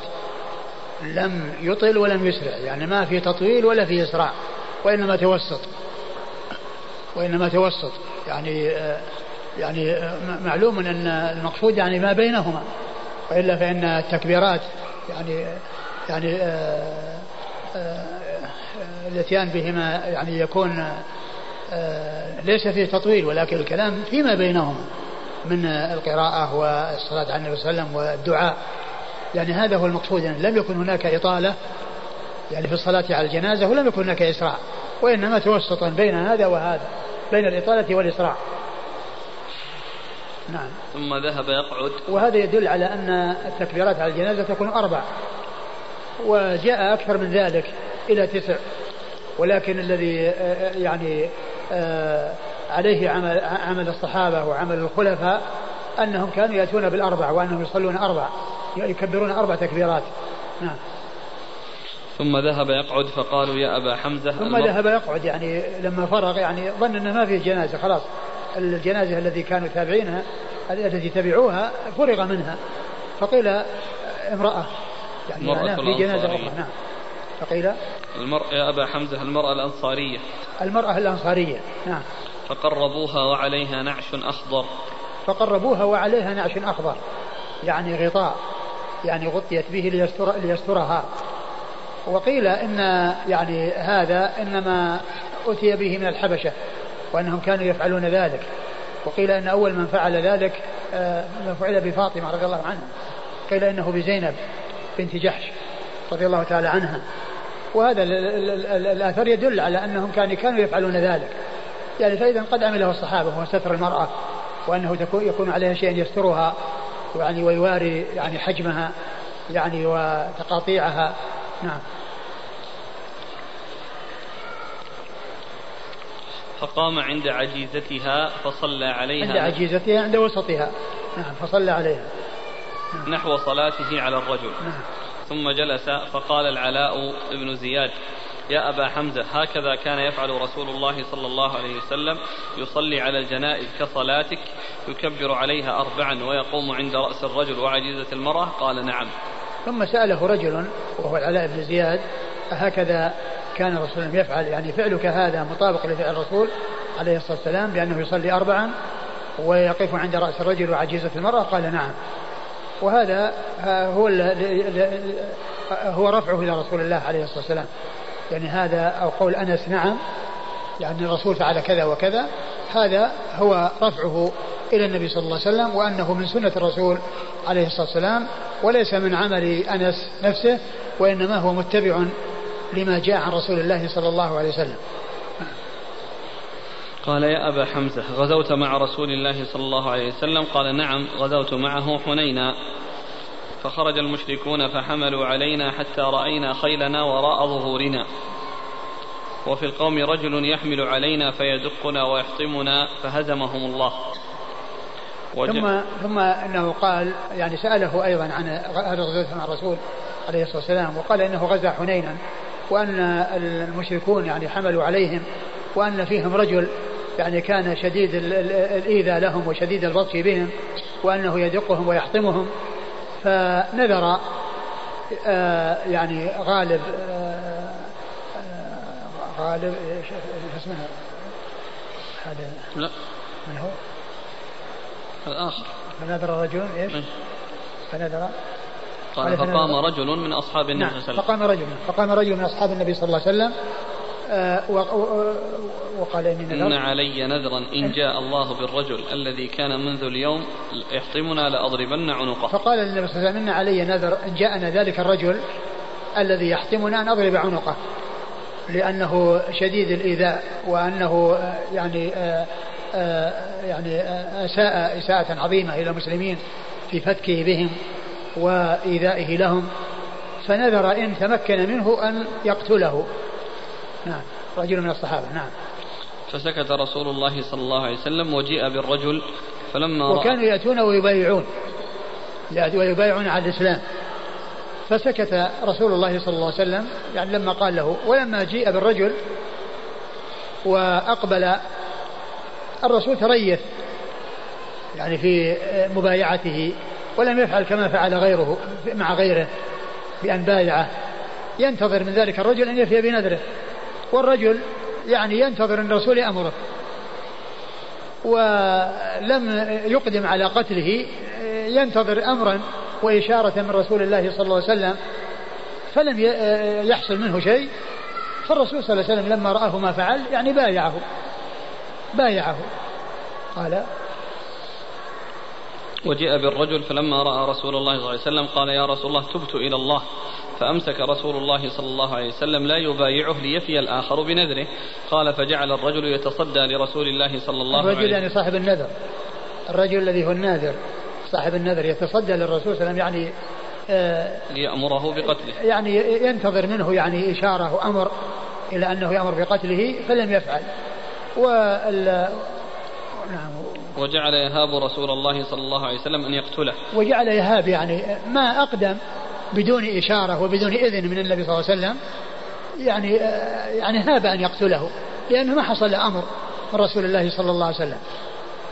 فلما لم يحصل منه تنفيذ الرسول صلى الله عليه وسلم بايعه. ثم قال ذلك ثم قال بعد ذلك نذري يا رسول الله. قال إني لم أمسك عنه منذ اليوم إلا إلا لتوفي بنذرك. إنني لم أمسك عنه منذ اليوم إلا لتوفي بنذرك. إنني لم أمسك عنه منذ اليوم إلا لتوفي بنذرك. نعم. قال يا رسول الله ألا أومضت إلي؟ قال يا رسول الله ألا أومضت إلي؟ يعني أشرت إلي إشارة. نعم. قال النبي صلى الله عليه وسلم إنه ليس لنبي أن يومض. قال إنه ليس لنبي قال عليه الصلاة والسلام إنه ليس لنبي أن يومض. بمعنى أنه يعني يظهر شيء ويظهر شيئا آخر. وقد سبق مر بنا حديث مثل هذا اللي قال يعني لا ينبغي للنبي أن تكون له خائنة الأعين. يعني هو من, من, من هذا القبيل.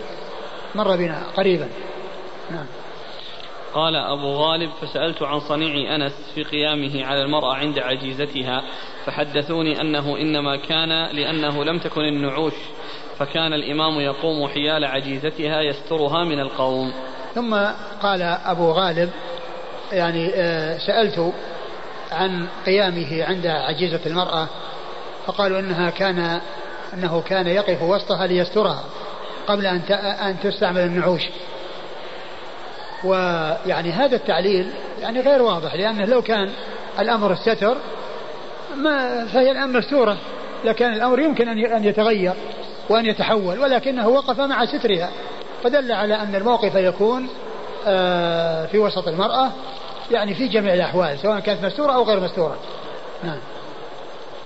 قال أبو داود قول النبي صلى الله عليه وسلم أمرت أن أقاتل الناس حتى يقولوا لا إله إلا الله. نسخ من هذا الحديث الوفاء بالنذر في قتله بقوله إني قد تبت. قال أبو داود قول النبي صلى الله عليه وسلم أمرت أن أقاتل الناس حتى يقولوا لا إله إلا الله. نسخ من هذا الحديث الوفاء بالنذر. في قتله بقوله إني قد تبت. قال أبو داود آه، نسخ قوله صلى الله عليه وسلم أمرت أن أقاتل الناس. نسخ من هذا الحديث. الوفاء بالنذر. الوفاء بالنذر. في قتله. في قتله بقوله إني قد تبت. إني قد تبت. لأنه يعني الرسول صلى الله عليه وسلم تريث وتمهل من أجل أن يفي بنذره. نعم. قال حدثنا داود بن معاذ. داود بن معاذ هو ثقة أخرج أبو داود النسائي ثقة أخرج أبو داود النسائي عن عبد الوارث. الوارث بن سعيد العنبري ثقة أخرج أصحابه في الستة. عن نافع أبي غالب. عن نافع أبي غالب وهو ثقة أخرج أبو داود ثقة أخرجه أبو داود والترمذي. وابن ماجه. وابن ماجه. عن أنس. عن أنس رضي الله عنه آه، صاحب رسول الله صلى الله عليه وسلم وأحد السبع المعروفين بكثرة الحديث عن النبي صلى الله عليه وسلم. انتهى الباب. لا بقي حديث. حديث قصير ولا طويل؟ والله تعالى أعلم وصلى الله وسلم وبارك على عبده ورسوله نبينا محمد وعلى آله وأصحابه أجمعين. بسم الله الرحمن الرحيم.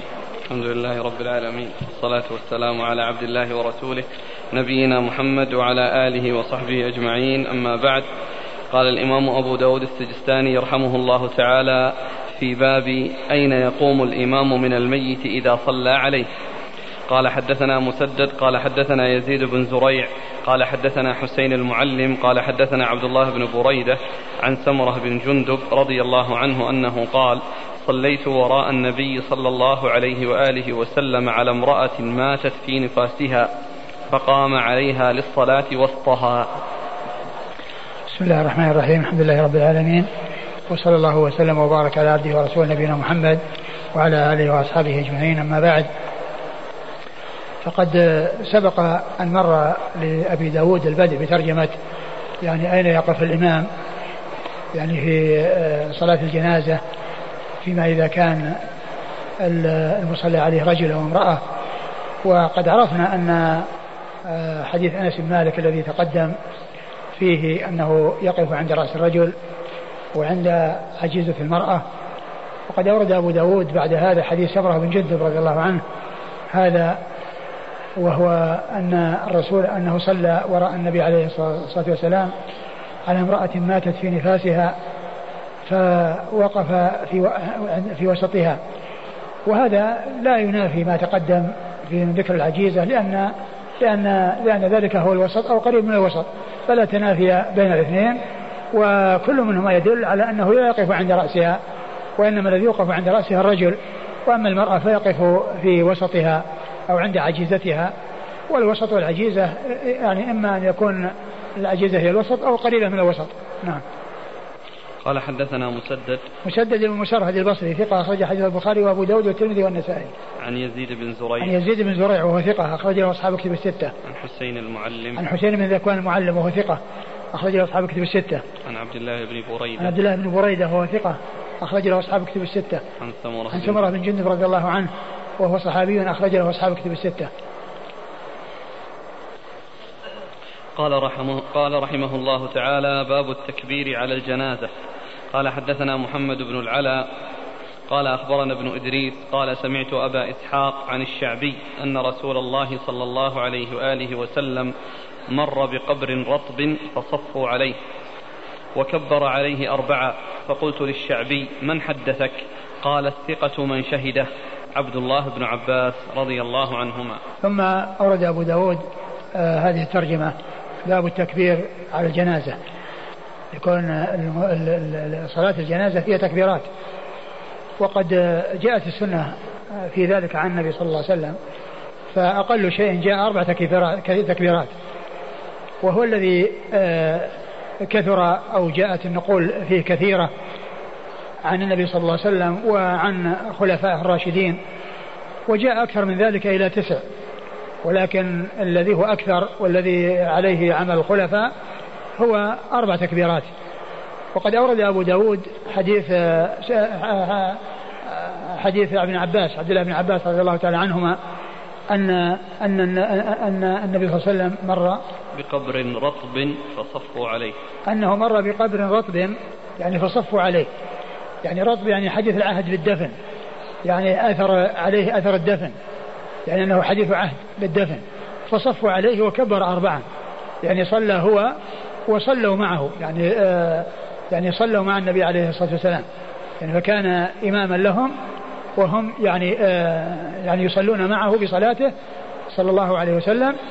فدل هذا على أن من لم يصلي على القبر ومن لم يصلي على الميت قبل دفنه وفي المصلى أو في المسجد فإنه يصلي عليه بعد الدفن. يصلي عليه بعد الدفن في وقت قريب أو في آه، بعد دفنه يعني آه، آه، بحيث لا يطول الأمد كثيرا بحيث يكون حديث عهد بالدفن أو قريبا منه. وحديث ابن عباس هذا يدل على أنه صلى في وقت قريب لأنه قال رطب. والرطوبة هذه نتيجة كونه دفن حديثا ودفن أخيرا يعني ولم يتقادم عهده فصلى عليه وصلوا معه. فدل هذا على الصلاة على القبر بعد الدفن وأن ذلك سائر وأن هذا ليس خاصا بالرسول صلى الله عليه وسلم بل آه، آه، يعني هو فعل ذلك وأصحابه فعلوه مع, مع ذلك. والأصل هو أن الأحكام يعني عامة. ولا تثبت الخصوصية إلا بدليل ولا تثبت الخصوصية للنبي عليه الصلاة والسلام إلا بدليل وكون الصحابة يعني صلوا معه دل ذلك على أن هذا حكم عام وليس من خصائص الرسول وحتى لو صلى وحده عليه الصلاة والسلام فإن الخصوصية لا تثبت إلا بدليل. نعم.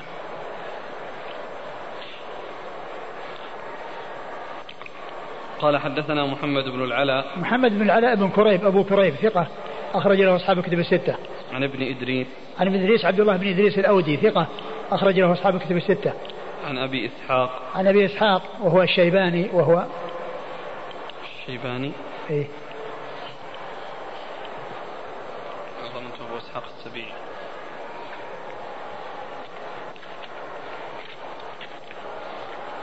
ما قال في عون المعبود. الشيباني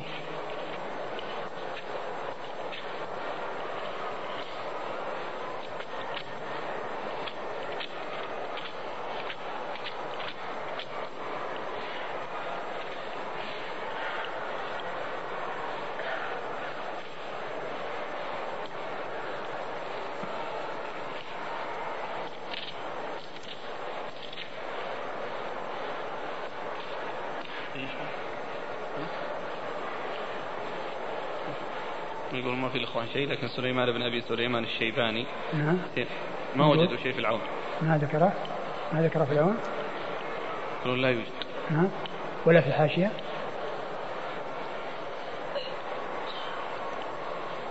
ولا في الحاشية. ولا في الحاشية. ما أدري هل هو في هذا الموضوع ولا في موضوع آخر لكن يتحقق منه. كل منهما ثقة أخرجه أصحاب الكتب الستة. أبو إسحاق السبيعي وأبو إسحاق الشيباني. سليمان بن أبي سليمان. سليمان بن أبي سليمان الشيباني. نعم. نعم.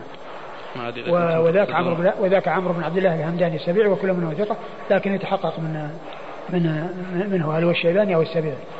ما أدري إذا تقصدون أبو إسحاق الفزاري. الفزاري؟ لا الشيباني. الفزاري سيأتي بعد ذلك. يعني سيأتي؟ هو الشيباني لا هو الشيباني من كان يشوف هذا الشيباني ما بعده يعني الموضوع إلى موضوع ثاني. يمكن التبس عليه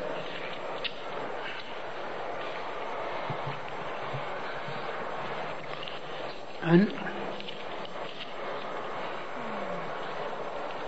عن الشعبي. عن الشعبي وهو عامر بن شراحيل الشعبي وهو ثقة أخرجه أصحاب كتب الستة. عن ابن عباس عبد الله بن عباس بن عبد المطلب ابن عم النبي صلى الله عليه وسلم وأحد العبادة الأربعة من أصحابه الكرام وأحد السبعة المعروفين بكثرة الحديث عن النبي صلى الله عليه وسلم.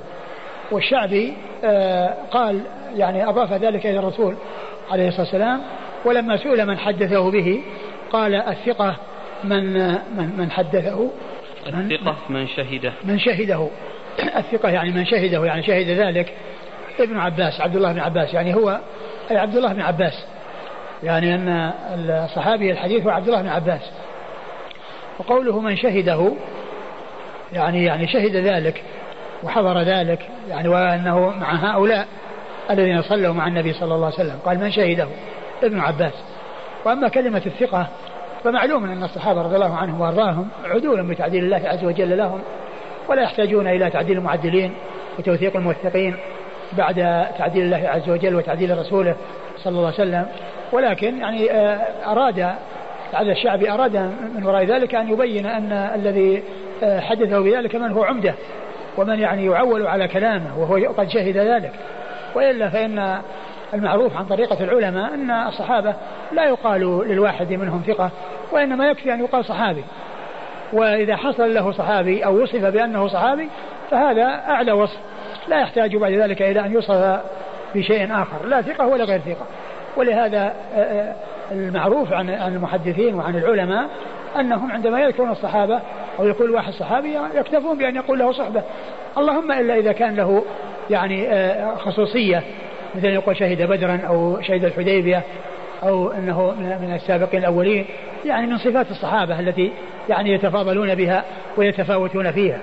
أما التوثيق للصحابة وأن يقال عن واحد منهم ثقة فهذا يعني غير معروف. والشعبي رحمه الله لعله أراد من ذلك أن يبين أن الذي حدثه به عمدة وأنه قد شهد شهد ذلك. وفي ترجمة عبد الله المبارك رحمه الله يعني أحد العلماء قال هو أجل من أن يقال فيه ثقة. أجل من أن يقال فيه ثقة يعني ثقة يعني قليلة عليه لأنه يعني عظيم الشأن وكبير الشأن. فالصحابة رضي الله عنهم وأرضاهم من باب أولى نعم قال حدثنا أبو الوليد الطيالسي قال حدثنا شعبة قال حا وحدثنا محمد بن المثنى قال حدثنا محمد بن جعفر عن شعبة عن عمرو بن مرة عن ابن أبي ليلى أنه قال كان زيد يعني ابن أرقم رضي الله عنه يكبر على جنائزنا أربعة وإنه كبر على جنازة خمسة فسألته فقال كان رسول الله صلى الله عليه وآله وسلم يكبرها. قال أبو داود وأنا لحديث ابن المثنى أتقن. ثم ورد أبو داود حديث زيد بن أرقم رضي الله عنه أنه كان يقول ابن أبي ليلى كان يصلي على جنائزنا أربعة وأنه مرة يعني يكبر أربعة وأنه كبر مرة خمسا فسألته يعني عن التكبير خمسا فقال إن النبي كان يكبرها يعني معناه أنه حصل أن ذلك من رسول الله عليه الصلاة والسلام. وهذا يدلنا على حصول التكبير أكثر من ذلك. وهذا يدل على أنه كبر خمسا وجاء ما يدل على أكثر من ذلك لكن المشهور والمعروف والذي هو أكثر ما جاء عن النبي عليه الصلاة والسلام والذي كان يعني عن جاء عن الخلفاء الراشدين أو بعض الخلفاء الراشدين أنه أربع. وهذا هو الذي يعمله الناس أو الذي عليه عمل الناس يعني غالبا. وإلا فإن الزيادة على ذلك في حدود ما ورد آه سائغ آه ما دام أن السنة قد جاءت بذلك عن رسول الله عليه الصلاة والسلام والاتيان أو بالأربع هذا هو الذي آه يعني عمل به كثيرا وجاء عن النبي صلى الله عليه وسلم كثيرا وجاء عن خلفاء الراشدين رضي الله عنهم وأرضاهم. نعم. قال حدثنا أبو الوليد الطيالسي. أبو الوليد الطيالسي عبد هشام بن عبد الملك ثقة أخرج له أصحاب كتب الستة. عن شعبة. عن شعبة بن الحجاج الواسطي ثم البصري ثقة أخرج له أصحاب كتب الستة. قال حاء وحدثنا محمد بن المثنى. ثم قال حاء وهي تحول من إسناد إلى إسناد. حدثنا محمد المثنى وهو أبو موسى الزمن. ثقة أخرج له أصحاب الكتب الستة وهو شيخ لأصحاب الكتب الستة. عن محمد بن جعفر. عن محمد بن جعفر الملقب غندر البصري. ثقة أخرج له أصحاب الكتب الستة. عن شعبة عن عمرو بن مرة. عن شعبة يعني وهذا الإسناد يعني أنزل.